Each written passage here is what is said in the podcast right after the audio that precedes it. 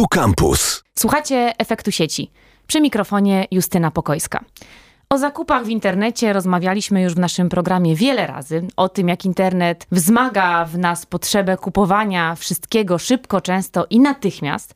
A dziś dla odmiany porozmawiamy o tym, jak nie kupujemy w sieci i o tym, jak nie mamy lub mamy coraz mniej.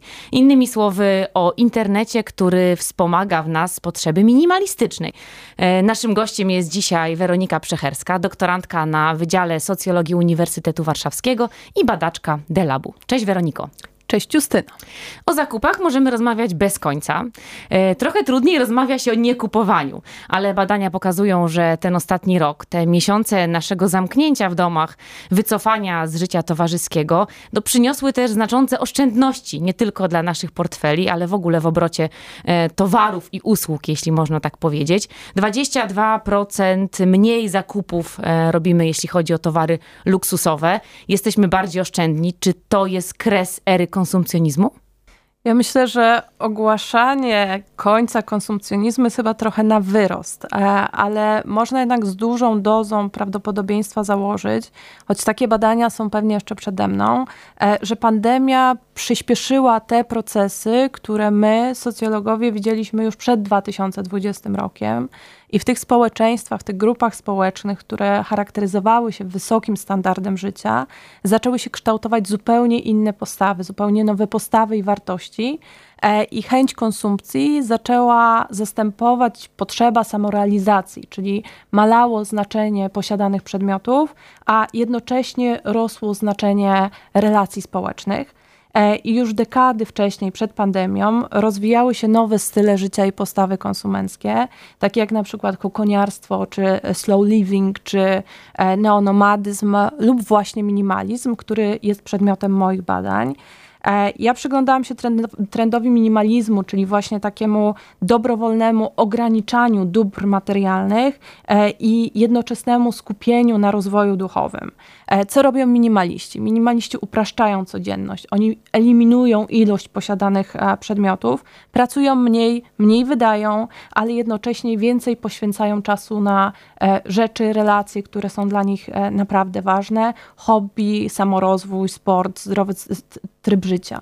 E, I myślę, że ważne w tej dyskusji o minimalizmie jest zaznaczenie, że będziemy tutaj dzisiaj rozmawiać o dobrowolnej, a nie wymuszonej, na przykład trudną sytuacją ekonomiczną e, strategii życia. Niektórzy badacze oczywiście łączą te dwa wątki i wskazują, że minimalizm jest jedną z odpowiedzi na tę pokryzysową rzeczywistość, na rzeczywistość po 2008 roku, e, ale to jest z pewnością temat na odrębne badanie i kolejną audycję, bo tych przyczyn minimalizmu jest zdecydowanie więcej i one są zróżnicowane zróżnicowane. Ja bym tutaj wskazała na takie um, cztery najważniejsze.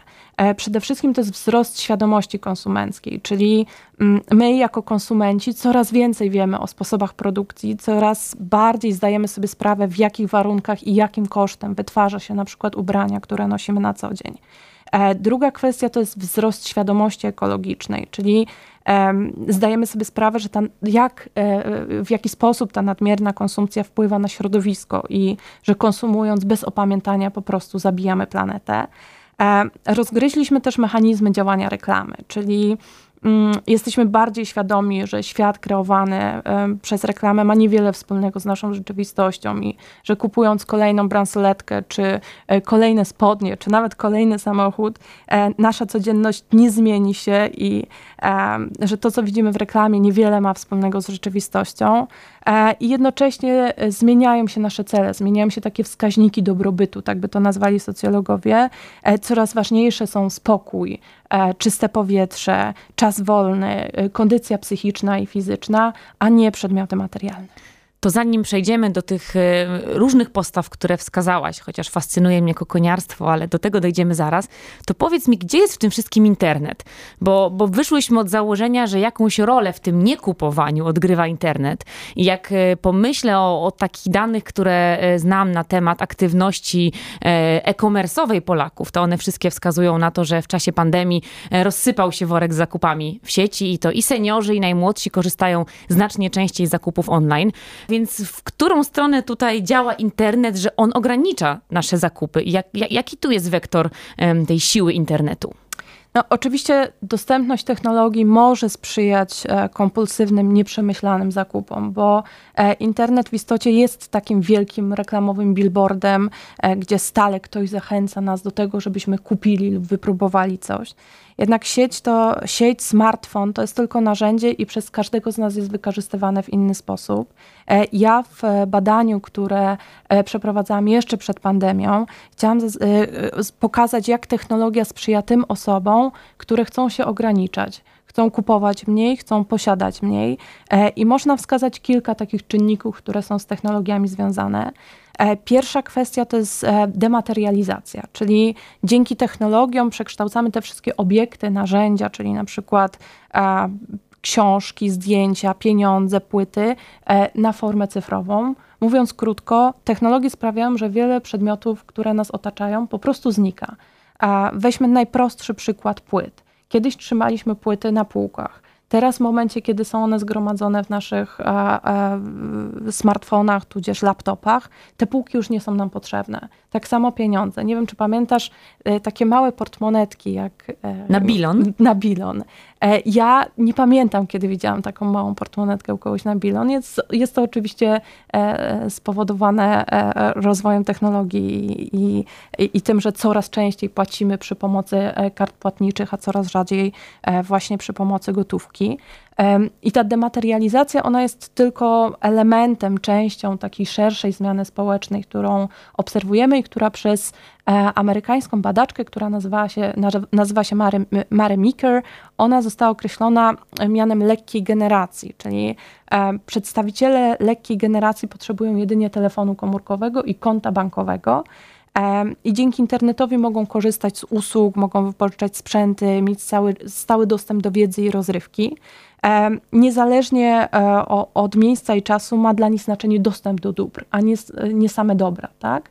E, I oni są przeciwieństwem do tej tak zwanej ciężkiej generacji, czyli generacji naszych rodziców, e, którzy zdecydowanie więcej czasu przeznaczali na obowiązki, oczywiście nie mogli zamawiać produktów, usług przez internet, a ta lekka generacja, czyli nasza generacja, właśnie dzięki technologiom ogranicza ilość posiadanych przedmiotów, na przykład częściej je wypożyczając lub pożyczając. I to jest taki, taki trzeci element, który, o którym chciałam krótko opowiedzieć, a mianowicie ekonomia współdzielenia. E, dzięki technologiom, właśnie dzięki tym nowym modelom gospodarczym e, i społecznym zjawiskom, możemy częściej wypożyczać przedmioty, przykładowo e, na platformach komercyjnych, na przykład wypożyczając ubrania z wypożyczalni ubrań, ale technologia sprzyja też temu, żebyśmy mogli na przykład w ramach takiej sąsiedzkiej wymiany niekoniecznie kupować, a właśnie wypożyczać przedmioty i tak jakby wzajemnie z nich korzystać, znaczy korzystać z jednego przedmiotu, niekoniecznie, niekoniecznie go nabywając no wybacz może e, takie wywrotowe pytanie, ale to tutaj nie ma mowy o ograniczeniu konsumpcji, czy też ograniczeniu e, dostępu, bo e, no, gra rozgrywa się pomiędzy mieć na własność, a mieć dostęp i nie mieć na własność, ale ja bym tutaj powiedziała, że nie ma minimalizmu. Jeżeli te same płyty, które miałam na półkach, mam teraz w smartfonie, to ja i dalej mam. One się zdematerializowały, tu pełna zgoda. Nie mam półki, nie mam tych plastikowych obwolut, ale płyty dalej mam i z punktu widzenia konsumpcji ona nie jest wcale mniejsza. Ona jest wręcz czasami czasami większa, bo mam możliwość przesłuchania większej liczby płyt niż miałabym na półce w domu. Więc y, czy to nie jest takie y, trochę oszukiwanie się, że ten minimalizm to oznacza po prostu nieposiadanie tych przedmiotów w domu, a tak naprawdę posiadam ich jeszcze więcej niż, y, niż przed, bo nie mam tych ograniczeń związanych z przestrzenią, finansami czy, czy koniecznością posiadania ich na wyłączność. E, przykład płyt, czy w ogóle digitalizacji muzyki jest bardzo ciekawym przykładem. Spójrz, na przykład kiedyś musiałaś kupić całą płytę. Jeżeli e, chciałaś słuchać e, jakiejś określonej muzyki, określonego wykonawcy, teraz możesz nabyć tylko na przykład jeden kawałek, który szczególnie Cię interesuje, szczególnie Ci się podoba.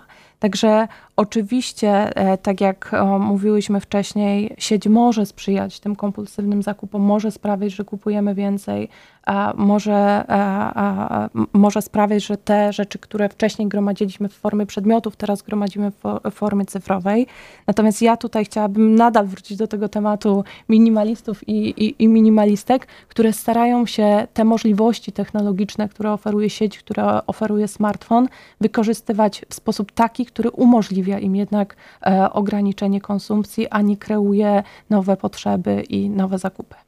To czas na kokoniarstwo, na neonomadyzm, na slow life, choć pewnie to ostatnie jest nam najbliższe. Weronika, czym jest kokoniarstwo i czy to jest y, coś przytulaśnego, e, związanego z jakąś ciepłą, przyjemną tkaniną w domku, czy jakiś zupełnie inny trend obrastania w dobra? Tak bym sobie to tłumaczyła. Ja myślę, że sądząc po zainteresowaniu prowadzącej tematem kokoniarstwa, to poświęcimy mu być może jeszcze kiedyś inny odcinek odrębny, e, ale kokoniarstwo to jest e, jeden z tych trendów, oprócz właśnie minimalizmu, nomadyzmu i slow life, który rozwija się już od kilku dekad i który obserwowaliśmy przed pandemią. I ten trend opisała po raz pierwszy w latach 80. ubiegłego wieku amerykańska badaczka, która nazywa się Fate Popcorn. I kokoniarstwo to jest nic innego jak po prostu zostawanie w domu. E, przestrzeni, w której mamy największe poczucie bezpieczeństwa. Człowiek zawija się w taki przysłowiowy kokon przed zagrożeniami świata, chowa się do tej swojej bezpiecznej przystani. I termin ten powracał przy okazji różnych wydarzeń, e, na przykład e, ataku na wieżę WTC. I teraz oczywiście takim czynnikiem jest COVID. I tutaj wracając do tego ulubionego naszego tematu w Delabie, czyli tematu nowych technologii. Nowe technologie na pewno, i to zobaczyliśmy podczas pandemii, sprzyjają możliwości, znaczy sprzyjają możliwości zwiększania zwiększania się, rozwijania się tego stylu życia, bo przecież i zamawiamy zakupy przez internet, i zamawiamy jedzenie na wynos. Większość z nas pracuje, mm, znaczy spora część z nas również pracuje z domu, e, więc e, mamy tutaj e, taki trend, który pokazuje, że dzięki technologiom możemy jak najrzadziej opuszczać swoje mieszkanie, chroniąc się przed zagrożeniami świata. Z drugiej strony jest właśnie trend nomadyzmu czy neonomadyzmu Czyli to są ludzie, którzy e, podróżują, dzięki którym świat technologii nie ma granic, ponieważ nowe technologie pozwalają im łączyć pracę e, z innymi aktywnościami, na przykład właśnie podróżowaniem e, i dają większą swobodę wykonywania obowiązków zawodowych. Mm, I kryterium e, decyzji o tym, gdzie zamieszkać, e, gdzie pracować, e, jest dla nomadów czy neonomadów właśnie dostęp do internetu, który umożliwia i pracowanie, i korzystanie z usług. I oczywiście, jak większość z nas słyszy nomada, cyfrowy nomada, to myśli o programiście albo o specjaliście od marketingu cyfrowego, który gdzieś na plaży pod palmą pracuje. Natomiast cyfrowy nomadyzm nie musi być równoznaczny z przemieszczaniem się E, na dalekie dystanse, bo współczesnym nomadą można być również przemieszczając się e, w obrębie jednego miasta. Najważniejsze tu jest to, że jesteśmy podłączeni do internetu, że możemy z każdego miejsca w naszym mieście czy z każdego miejsca na świecie e, wykonywać nasze obowiązki zawodowe, jednocześnie łącząc pracę z przyjemnościami czyli w dobie pandemii nauczania zdalnego jestem cyfrowym nomadą, e, bo nadaję zajęcia z różnych miejsc i studenci moi też są e, nomadami, a kiedy w sobotę nie chce mi się wyjść z domu, to uprawiam kokoniarstwo. Więc dobrze zapamiętać, to jest e, myślę alibi na leniwą sobotę czy niedzielę w domu, ale ty badałaś minimalistki, ty badałaś konkretne blogi dziewczyn, które w sieci opowiadają o tej nowej postawie, którą w sobie wykształciły. Do czego minimalistki czy minimaliści, bo to pewnie też też są mężczyźni, używają internetu i czy można powiedzieć, że to jest jakaś przestrzeń, która ma taką misję, by wspierać nowe postawy i rozwijać coś wartościowego w społeczeństwie, czy już takie nadzieje związane z internetem są dawno nieaktualne i w tym przypadku również o tym nie ma mowy? Ja bym wskazała na takie dwie kwestie. Przede wszystkim technologia jest dla nich źródłem e, wolności zawodowej i osobistej. I ja analizowałam kilka blogów minimalistek, polskich minimalistek były to kobiety. E, zainteresowanych oczywiście odsyłam do mojego artykułu, który, który można znaleźć w sieci, ale one postrzegały internet, postrzegały sieć e, jako źródło wolności, rozumianej także jako możliwość wykonywania wolnego zawodu.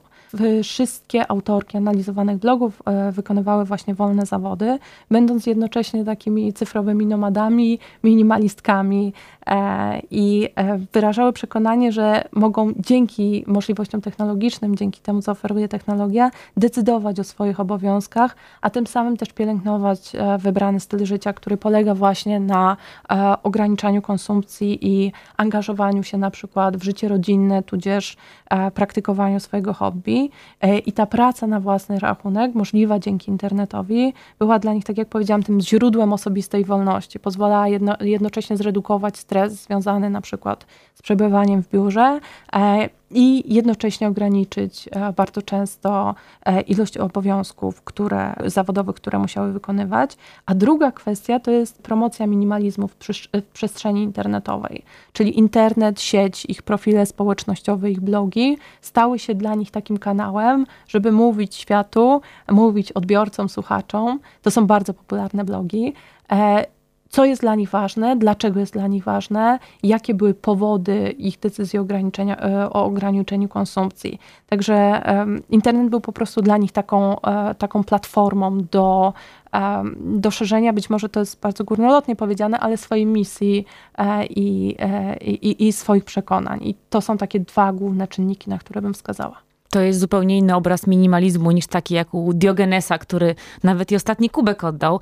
Dlaczego minimalistki korzystają z internetu? Czy tego nie mogłyby się wyrzec? Czy to, e, czy to też nie jest element konsumpcji? Bo dalej brnę w to, że e, być może ten minimalizm, oczywiście absolutnie nie jestem przeciw, to jest tylko mm, e, dyskusja taka pobudzająca nas do, do, do refleksji. No, czy to nie jest przypadkiem no, taka postawa, która właśnie jest związana z modą, która jest związana z takim momentem w rozwoju naszego społeczeństwa czy społeczeństwa e, zachodniego, że to jest modne, potrzebne i uznane. No ale jeśli one dalej korzystają z internetu, dalej korzystają ze wszystkich dobrodziejstw jedzenia przywożonego do domu w ramach kokoniarstwa sobotniego, ze wszystkich portali z muzyką, czyli mają wszystko, to gdzie jest ten minimalizm? Czy może powinny jednak się wyrzec czegoś w imię tego swojego e, ograniczenia konsumpcji? Bycie minimalistą e, niekoniecznie oznacza praktykowanie kokoniarstwa, ale sieć jest narzędziem pracy minimalistów, e, przynajmniej tych, których ja analizowałam w ramach swojego badania.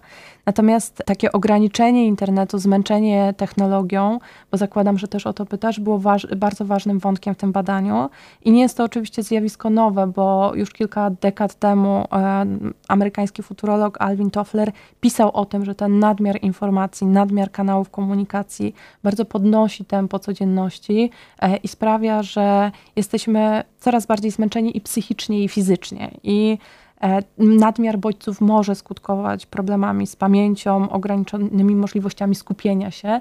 Dlatego właśnie e, te analizowane przeze mnie blogi, e, takim ważnym wątkiem na nich było to, to wylogowanie się do życia, to ograniczenie dostępu do informacji i jest to też na pewno praktykowane przez polskich minimalistów, polskie minimalistki, które były przedmiotem mojego badania to pytanie filozoficzne na koniec. Skoro nie posiadanie, takie na własność, skoro nie te półki z płytami w domu, e, nie własny samochód, czy też e, nie tony ubrań, to co jest dzisiaj ważne dla polskich minimalistek, czy minimalistów, czy e, przedstawicieli tego nurtu? Jakie wartości w związku z tym są istotne, skoro nie posiadanie i nie towar?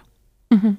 Zdrowie, bycie bezpiecznym to zawsze były najważniejsze wartości i to pokazują i badania polskie i zagraniczne. Jeżeli przyjrzeć się na przykład wynikom diagnozy społecznej, która e, ostatni raz chyba była przeprowadzana w Polsce w 2015 roku, jeżeli pamięć mnie nie myli, to niezmiennie te badania wskazywały, że najważniejszą wartością dla Polaków jest zdrowie. E, I możemy mieć pewność, że pandemia tylko ten trend wzmocniła, bo najmocniej są zakorzenione w nas te wartości, które wynikają z naszych osobistych doświadczeń. E, także zdrowie, poczucie bezpieczeństwa e, to są te wartości, które pandemia na pewno pogłębi, e, a minimalizm na pewno pielęgnuje te wartości, bo oznacza przecież, że spędzamy więcej czasu z rodziną, mniej pracujemy, bardziej dbamy o zdrowie i o swoją kondycję i równowagę psychiczną to jeśli pozwolisz, na koniec zacytuję jedno ze zdań z takiego bloga właśnie minimalistycznego. Nie wiem, czy ty akurat badałaś tę e, autorkę. Życie to najbardziej pożądany i ważny towar ze wszystkich. I z tą nieco filozoficzną myślą zostawimy Państwa po dzisiejszej rozmowie i z pytaniem o to, czy posiadać, czy doznawać, czy być, czy przeżywać, czy jeździć po świecie z komputerem, czy zakokoniać się na weekend. Naszym gościem była dzisiaj Weronika Przecherska, doktorantka na Wydziale Socjologii Uniwersytetu Warszawskiego i badaczka Delabu. Bardzo Ci, Weroniko, dziękuję za tę rozmowę i życzę nam wszystkim wylogowania się do życia. A ja dziękuję za zaproszenie. A my słyszymy się jak zwykle w kolejnym odcinku Efektu Sieci. Efekt Sieci. Radio Campus.